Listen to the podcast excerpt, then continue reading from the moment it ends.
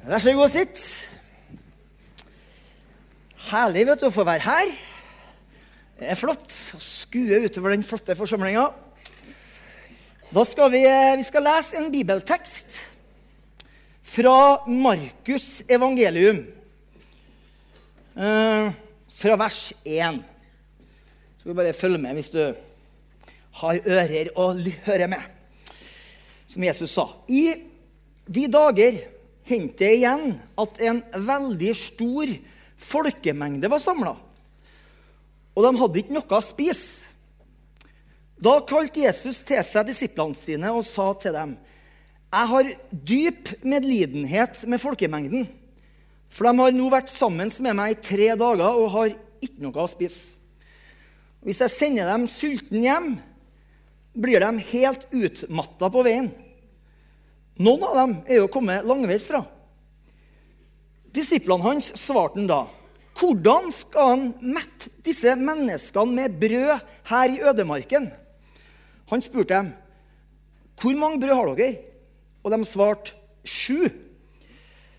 Så befalte han at folkemengden skulle sette seg ned på marka, og han tok de sju brødene, takka, brøyt dem og ga dem til, til disiplene sine for at de skulle dele dem ut. Og de delte dem ut til folkemengden. De hadde også noen få små fisker, og etter å ha velsigna dem, sa han at de også skulle deles ut. Så spiste de og ble mett. Og De samla inn sju store kurver med brødstykker som var blitt til overs. De som hadde spist, var omkring 4000. Og han sendte dem av sted. Og Straks etter gikk han i båten med disiplene sine, og de kom til traktene ved Dalmanuta. Så kom fariserene ut og begynte å diskutere med ham. De krevde et tegn fra himmelen av ham for å sette ham på prøve. Men han sukka dypt i sin ånd og sa, 'Hvorfor søker denne slekta et tegn?'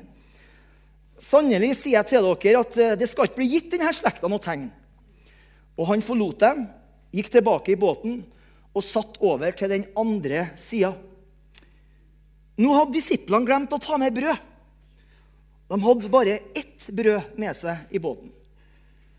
Da advarte han dem og sa, 'Vær på vakt.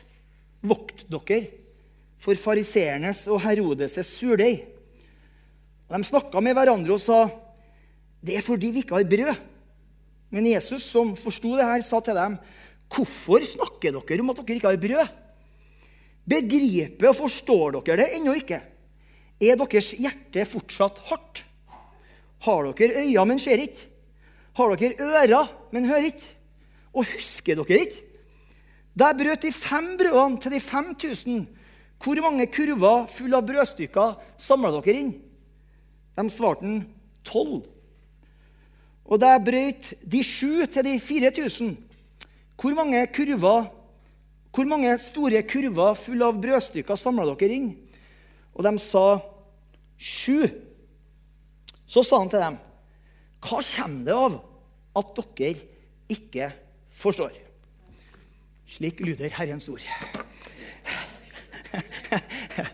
Herre, jeg takker deg for at uh, ditt ord ikke bare former våre tanker, men det forvandler hele vårt liv og hele vårt vesen. Jeg ber om at du nå, akkurat nå, ved ditt ord, går til verket og skaper i oss det som bare du kan gjøre, Herre. Jeg ber om det i Jesu navn. Amen. Gjennom denne teksten så, som vi nettopp leste, så stiller Jesus noen spørsmål til disiplene sine. Men jeg tenker at han også gjør det til oss. da. Og Gjennom de spørsmålene her så prøver Jesus å kvesse vår visjon han prøver å skjerpe hvordan vi betrakter virkeligheten, som er virkeligheten fordi han er til stede i livet vårt. Han er til stede i båten vår, som han var med dem den dagen. Han var med dem i båten. Og Hvis du leser de fire evangeliene, så vil du legge merke til en ting at veldig ofte den metoden som Jesus bruker i sin disippelgjøring av mennesker, i stor grad så er den metoden prega av at han stiller masse spørsmål. Som i utgangspunktet er jo, det, det er jo en harmløs øh, øh, øvelse. Men som oftest med Jesus da, så ender det opp med å bli en sånn kraftfull jeg kaller en kraftfull undergravende undervisning. Eh, en av Englands mest kjente forfattere, for eh, Samuel Johnson, han sa på følgende måte at, at å stille spørsmål er ikke en akseptabel form for konversasjon mellom gentlemen. Eh, fordi at det stiller jeg spørsmål når noe har blitt sagt, det har en snikende evne til å komme seg rundt barrierer i menneskers sinn som den tydeligste proklamasjon ikke har evne til. sin. Hvis du leser spørsmålene til Jesus, så er de som følgende.: Hvorfor snakker dere om at dere ikke har brød? Begriper og forstår dere det ennå ikke? Har dere øyne, men ser ikke? Har dere ører, men hører ikke? Husker dere ikke? Forstår dere ennå ikke? Masse sånne spørsmål som Jesus stiller. Og jeg kan høre at Jesus stiller oss, meg og deg, de samme spørsmålene i dag. Og vet jeg helt sånn hvordan jeg skal respondere? Ofte må jeg dessverre si nei der. Jeg husker ikke så tydelig som jeg ønsker å huske. Og jeg forstår ikke fullt og helt som jeg ønsker å forstå. Og selv om spørsmålene til Jesus eh, får oss kanskje alle sammen til å skamme oss litt av og til, så, så tror ikke jeg at det er den primære intensjonen for at Jesus driver og stiller oss masse spørsmål. Jeg tror at spørsmålene til Jesus avslører den vantroen som ligger ved rota av vår bekymring, som ofte preger livene våre. Jeg tror at hans primære intensjon med å stille oss spørsmål er for å vekke oss opp og I denne teksten så sier han bl.a.: Vær på vakt, vokt dere, sa Jesus til disiplene i, i båten i vers 15. Eh, hvorfor snakker dere om at dere ikke har brød? Vel, det er jo fakta, Jesus. Vi har ikke noe brød, eller vi har bare ett. da. Og så sier han, Har dere øyne, men ser ikke? Har dere ører, men hører ikke? Kanskje de tenker Se hva for noe? Hva er det vi skal høre? Husker dere ikke? Husk på hva for noe Jesus. Forstår dere ennå ikke hva i verden er det du vil at vi skal forstå Jesus? Når du leser denne teksten, så er det viktig å observere at Jesus stiller ikke disse spørsmålene til den ikke-troende verden. Han sier dem til disiplene sine. Han forventer ikke at verden skal se, huske og forstå. Ja, verden kan selvfølgelig se de fysiske fakta, at det ikke er noe brød eller bare ett brød. Men fra hans disipler så forventer Jesus at de skal se, huske på og forstå. På grunn av vårt møte med Han, som er verdens lys, så er på en måte vår visjon av virkeligheten den er klarere. Eller den burde i hvert fall være det. Har dere øyne, men ser ikke? Har dere ører, men hører ikke? Når han sier det her, så sitter de i en båt på vei over Genesaretsjøen. Noe de har gjort flere ganger med Jesus før. Og så virker det som om det tar litt tid, og så begynner de liksom å sjekke ut om eh, forsyningene er på plass om bord. Og da er det spesielt én ting som er viktig, om det er mat. Og så oppdager de at vi har glemt av brød. Og så finner de da ett brød. Men det er jo altfor lite for 13 sultne mannfolk. Vi spiser mye, vet du. Så jeg ser for meg liksom en diskusjon som begynner på båten. Liksom, jeg, jeg, trodde at du hadde ansvaret for maten. Nei, jeg mener at det var du. Nei, Peter sier at du og Jakob skulle fikse det her. Nei, det var forrige tur. Så liksom, hva skal vi gjøre? Ikke noe brød. God have mercy. Hvorfor snakker dere om at dere ikke har brød? Du vet, når jeg leste den teksten der, så syns jeg det var noe merkelig ved den panikken som oppstod. For at om bord i båten sammen med dem er det en mann som nettopp, rett før, har tatt sju brød og multiplisert det for å gi mat til 4000 menn foruten kvinner og barn. Og bare litt før der igjen så hadde samme mann som er om bord i båten deres, tatt fem små brød og multipliserte for å gi mat til 5000 menn, foruten kvinner og barn. En sannhet med evangeliene som gjør at C.S. Lewis han bruker betegnelsen 'the ring of truth' om evangeliene. Og for han, mener, han mener at det som gjør evangeliene troverdig, Det er evangelistene sin fremstilling av Jesu disipler. Ingen av de her fire forfatterne, eh, Matteus, Markus, Lukas og Johannes, idealiserer disiplene. Fremstiller dem ikke som superhelter med superkrefter. Og særlig Markus skiller seg litt ut når det gjelder å, å, å, å si det som det er. Og På, på dette tidspunktet når dette skjer, så hadde disiplene allerede vært vitne til mektige gjerninger som Jesus gjorde. Helbredelser, utdrivelse av onde ånder og Guds mirakuløse forsørgelse. Likevel så er de åndelig blind, døv, i forhold til den hele og fulle virkeligheten.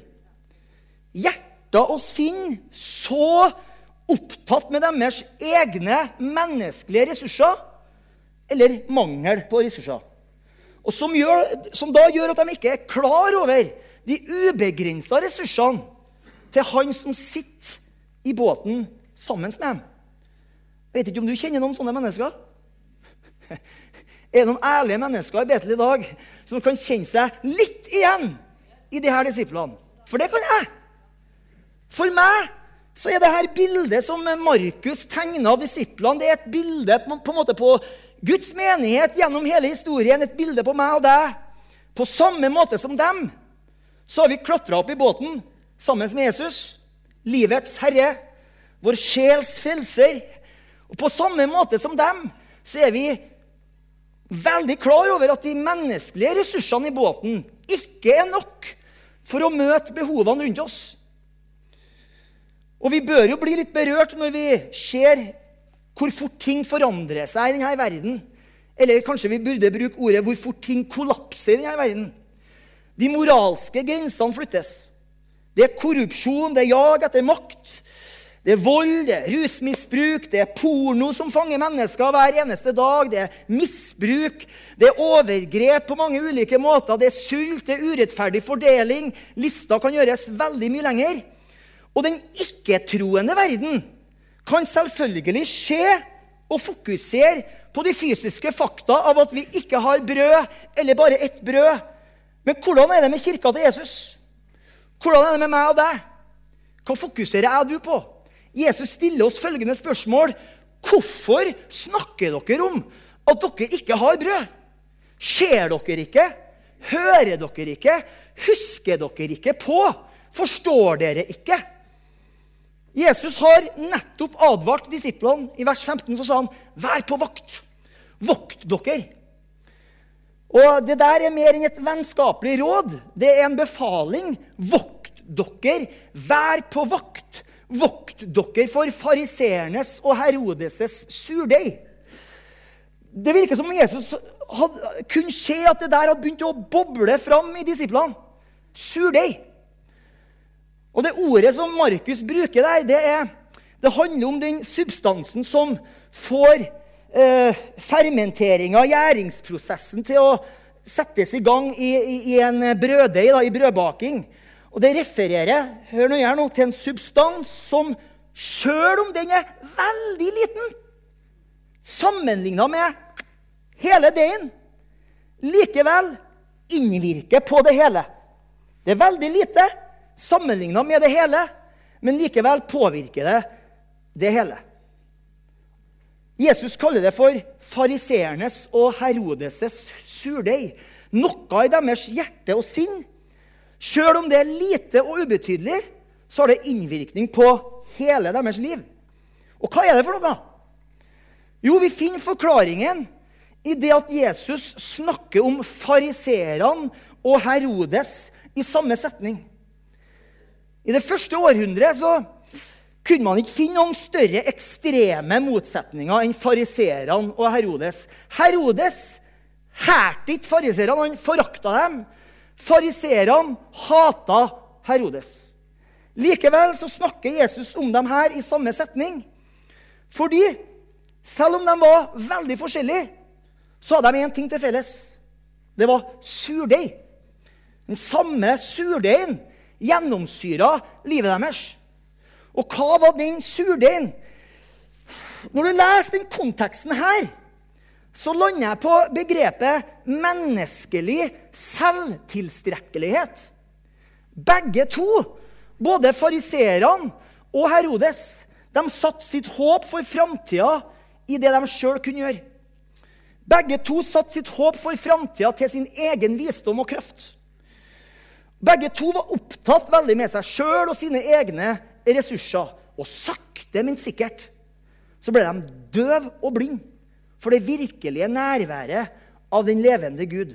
De forsto ikke at Immanuel, som betyr Gud med oss, hadde kommet. Så den samme surdeigen manifesterte seg både i det politiske, altså Herodes, som var konge, og i de religiøse fariserene, som det også kan gjøre i dag. I begge de her sfærene så er man usensitiv for den guddommelige virkeligheten. Herodes, som var jødenes konge, han herska Israel på vegne av Romerriket. Og Det var derfor fariserne hata han så gærent. For, for dem var han en landsforræder. En av deres egne som støtta okkupasjonsmakta. Herodes sjøl var berusa av sin egen posisjon, sin egen status og Romerrikets militære makt. Så opptatt var han med hva staten kunne gjøre, at han var forherda i forhold til den høyeste makt. Vær på vakt, sier Jesus. Og fariseerne, ja, de prata masse om Gud. Faktisk veldig mye om Gud. De leser Salmenes bok, som, hvor det står at Gud kaller oss til å sette vår lit til Gud og til Gud alene. Så ja, de var nidkjær for Guds lov. Det er jeg òg, og det er du òg. Men når, når, alt var sagt og gjort, så, så var deres tillit egentlig til sin egen godhet, til sine egne evner og til sin egen tilstrekkelighet. Ja, de uttrykte en ytre form for åndelighet, men i sitt daglige liv så levde de som om alt var opp til dem sjøl. Og alt det de liksom så i Jesus, eh, han som var Gud åpenbart i kjød, som, det står i, som Paulus sier, det var en trussel for deres godhet og makt. Og ja, de hevda at de satte sin lit til Gud, om at han skulle bringe rettferdighet, men de skua til den politiske verden for å få det til å skje. Og det er jo merkelig. Religiøse mennesker som setter sin lit til den politiske verden. Så mye at de kompromissa på sine religiøse overbevisninger. Gikk i partnerskap med den politiske makt. Fikk korsfesta livets høvding, som det står i apostlenes gjerninger. Vær på vakt, sier Jesus. Og denne surdeigen ga seg spesielt utslag i at de krevde vi leste her i teksten, at Jesus skulle gi dem et tegn. De ville ha et slags sånn mirakelbevis fra Jesus som kunne underbygge hans undervisning. Og som du leste der, Det er jo bare svada. For de hadde jo allerede sett masse tegn. De hadde allerede sett Jesus helbrede syke, kaste ut demoner, vekke opp døde. Og så kommer det sånn Vis oss et tegn. Men Jesus ville ikke det. Deres hjerte var så forherda at enda et tegn ville ikke gjort noe forskjell. Så de, de, hadde bare kommet til å underkjent det tegnet og krevd bare enda et tegn og enda et tegn. Så ufølsom for nærværet av den levende Gud ble fariseerne at de slo seg sammen med Herodes, en mann som sto for alt annet enn det som fariseerne sjøl sto for. De slo seg sammen med en som de hata, for å bli kvitt Jesus. Vær på vakt, sier Jesus til oss tilbake oppe i båten. I denne bekymringa av at de ikke har noe brød, denne bekymringa hos disiplene i denne båten, så virker det som om Jesus senser den samme surdeigen. I båten sammen med dem så sitter jo han som kan løse og møte hver eneste krise i livet. Men hva er det de venner seg til? Venner de seg til Jesus? Nei. De venner seg egentlig til seg sjøl, til sine egne ressurser. Selvtilstrekkelighetens surdeig hadde begynt liksom gjæringsprosessen i sjelen deres. Og de så det ikke. De huska ikke på. Vær på vakt, sier Jesus. Han som kalles for vår sjels største venn. Og så syns jeg det er kult når jeg ser hvordan Jesus går til verket da, på deres eh, gjennomgjæra, fermenterte hjerte. Han går til verket ikke ved å kappe hodet av dem. Han forkaster dem ikke. Nei, han går til verket ved å stille noen spørsmål. Det er flott, vet du. Hvorfor snakker dere om at dere ikke har brød? Ser dere ikke? Hører dere ikke? Husker dere ikke på? Husker på. Der tror jeg er nøkkelen. Disiplene mangla innsikt og forståelse i denne, i denne krisa av å ikke ha noe brød fordi de ikke huska på. Aha. Så Jesus minner dem på ved å stille dem flere spørsmål. For han sier, 'Da jeg brøyt de fem brødene til de 5000, hvor mange kurver full av brødstykker samla dere inn?' Ja, Tolv, svarte de. Og der brøt, så fortsetter han. Der brøt de sju til de 4000. Hvor mange store kurver full av brødstykker samla dere inn? Sju, svarte de. Og så kommer jeg. Forstår dere ennå ikke? Jesus kunne liksom fortsatt å stille flere spørsmål for å trigge hukommelsen og tenne opp troa deres. F.eks. den historien som Markus forteller rett før denne historien vi leste.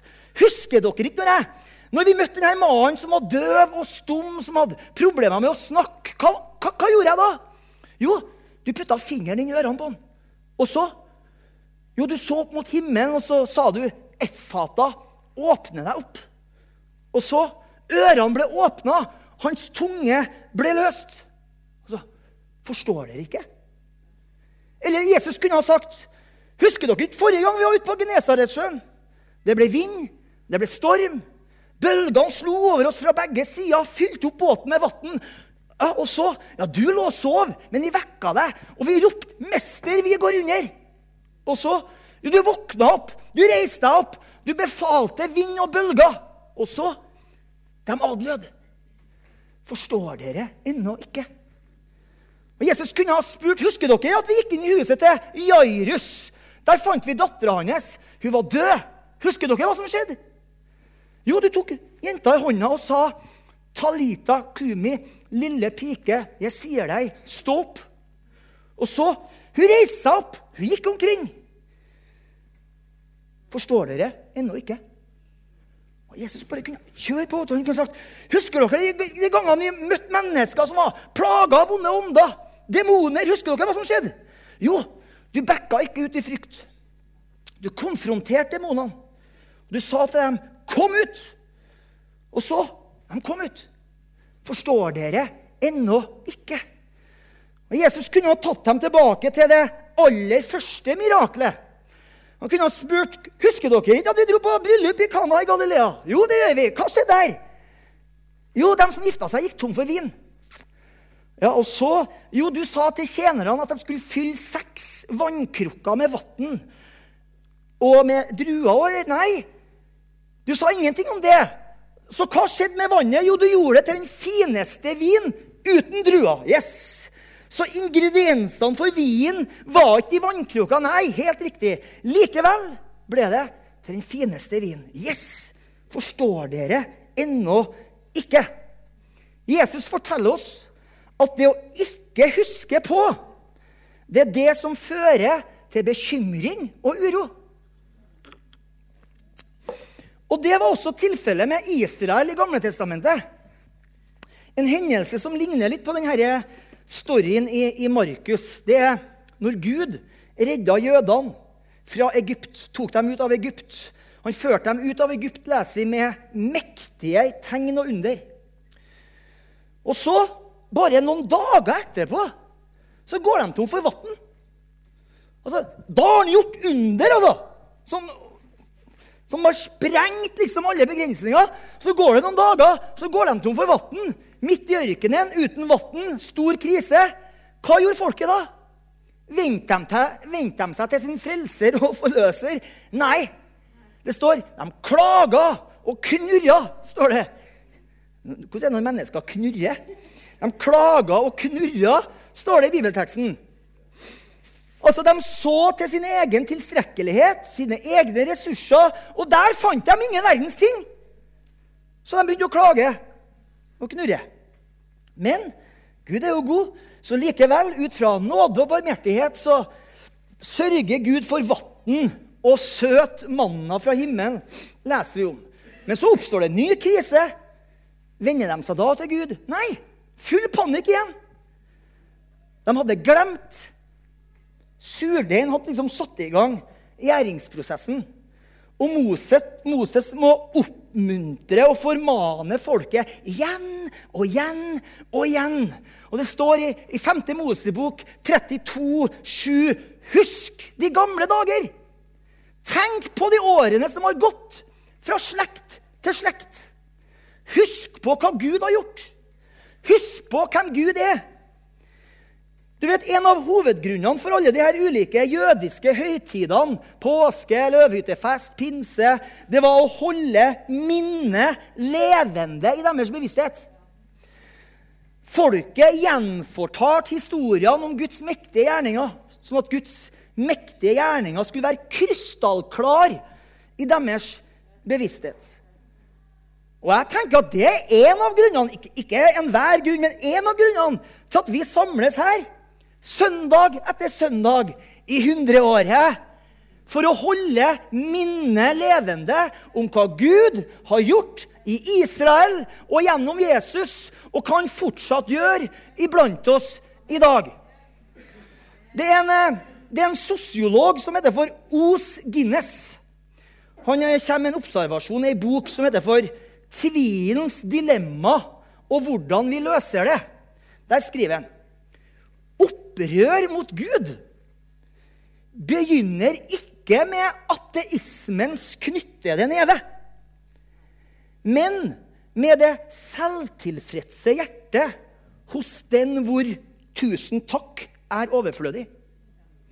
Når vi ikke husker, når det Gud har gjort, sakte, men sikkert liksom feider bort fra vårt blikk, og vi begynner å fokusere mer og mer på våre egne ressurser, sakte, men sikkert, så blir vårt hjerte hardt, som Jesus sier. Og vi blir ufølsomme for nærværet til den levende Gud. Hvorfor snakker dere om at dere ikke har brød? begriper og forstår dere ennå ikke, har dere ikke øyne? Eller har dere øyne, men ser ikke? Har dere ører, men hører ikke? Husker dere ikke? Forstår dere ikke? Vær på vakt! Husk på! Forstå! Forstå hva for noe? Jo, husk på! Så du kan forstå nummer én at han er virkelig for oss. Det er derfor han er i båten sammen med oss. For han eh, trives der. Han er for oss. Det var han som kalte deg til å følge med opp i båten for å krysse sjøen. Det er derfor du er der du er. Han er med deg, og han er for deg. Og det er som om han sier, 'Legger du ikke merke til at jeg er i dine omstendigheter?' For det andre, husk på, så du forstår, at han er i stand til. Vi er ikke i stand, men han er i stand. Eh, nummer tre, husk på så du forstår at han er, er i stand til å gjøre mye med lite. Fem brød 5000. Sju brød 4000. Ingen druer, bare vann. Den fineste vin. Så du skjønner, Jesus er den store forsørgeren. Han ønsker at vi skal begynne å forstå hans matematikk, som er litt annerledes enn vår. Han kan gjøre mye ut av lite. Og for det fjerde, husk på, så du forstår hvem han er. Se, begynn å se forbi miraklet og begynn å se mirakelgjøreren. Se forbi brødene og det som ble til overs, og begynn å se på han som er livets brød. Se forbi lidelsen på korset og se verdens frelse. Se at i den tomme grava der fins det seier over døden. Døden er ingen hindring for Jesus. Han er oppstandelsen og livet, sier han om seg sjøl. Hvorfor snakker dere om at dere ikke har brød? Hvorfor diskuterer dere det faktum at dere ikke har styrke til å fortsette? Hvorfor diskuterer dere det faktum at dere ikke har noe å møte kriser i verden med? Dere har meg! Dere har meg, sier Jesus. Husker dere på det? Har du glemt det? Det er en sang som vi synger her i Betel av og til. Og den går sånn Waymaker, miracle worker, promise keeper, light in the darkness. My God, that is who you are. Mirakelgjører. Eh, han som holder løfta. Lys i mørket. Min Gud. Det er den du er. Det er den du er. Og det er han som sitter i båten med deg. Det er herlig, vet du. Eh, tenk på følgende. Selv om han kaller oss til å huske på, så trenger jeg ikke å huske alt sammen for at alt sammen skal være sant. Aha. Dette er for å oppmuntre deg litt, ikke sant? Eller selv om han kaller meg til å forstå, så trenger ikke jeg forstå alt sammen for at alt sammen skal være sant. Han er alt det han sier han er uansett, han. Uavhengig av om jeg husker eller forstår. Og enda bedre for deg som nærmer deg alderdommen. enda bedre om det kommer en dag hvor jeg ikke husker eller forstår noe som helst. Så vil det fortsatt være sant. Hæ?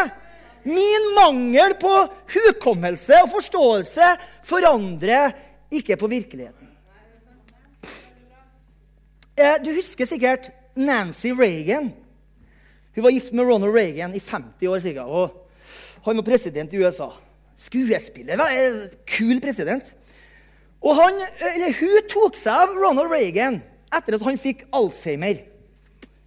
Og før hun døde, så fortalte hun en rørende historie til tidligere statsminister i Canada, Brian Mulroney. For, uh, han fortalte om dette i et intervju i National Post i 2016. Og Han forteller historien at ekteparet Reagan skulle dra fra en stappfull restaurant i Bel Air i Los Angeles. Og når de reiste seg for å gå, så helt spontant så bare reiste alle gjestene seg opp og applauderte dem når de gikk ut av restauranten. Og da snur Ronald eh, seg til Nancy og sier, 'Hva er det de klapper for?' Jo, de klapper for deg, Ronny. Det her er for deg. Så, Hvorfor gjør de det, liksom? Jo, du var tidligere president i USA. Og Så kikker han på Nancy sin. 'Er det sant?' Og det er jo litt trist. Han, han som var verdens mektigste mann, kunne ikke lenger huske på at han var det. Men hans mangel på hukommelse forandrer ikke på virkeligheten. Kan lovsangen bare komme opp? Eh, det er ingen overraskelse at vår Herre Jesus har gjort det å spise og drikke fra Herrens bord, som vi har gjort i dag, til den mest sentrale handling i kristen tilbedelse. Fordi han kjenner oss. Han vet hvor lett vi glemmer. Aha. Så Derfor har han satt et bord foran oss, midt foran livets kamper og utfordringer. Forandringer, kaos, sykdom, trussel om krig. Og så sier han Gjør det her. Vi leste i dag. Gjør det her til minne om meg. Gjør det her sånn at du husker hvem som er i båten sammen med deg. Sånn at du kan gå inn i 2020 med blikket festa på den store virkeligheten. Den Gud som er mer enn nok. Den Gud som fortsatt gjør under. Herre, vi takker deg for ditt ord som minner oss på at vi ikke må glemme det du har gjort. Du har vært med oss. Du har stilt opp. Du har hørt våre bønner. Du har alltid vært til stede i livet vårt. La oss ikke komme i den situasjonen hvor vi glemmer det, her, så at vi blir ufølsomme for ditt nærvær i båten. Vi vet at du er med oss. Ja, det kan være bølger, det kan være vind, det kan være utfordringer, men du hopper ikke ut av den båten. Du er til stede og tar oss gjennom, over på den andre sida. Hjelp oss til det, her og minne oss på at du hva du har gjort. La, la, det være krystallklart for oss at vi tjener en stor Gud, en Gud som gjør under. Vi takker deg for det i Jesu navn. Amen.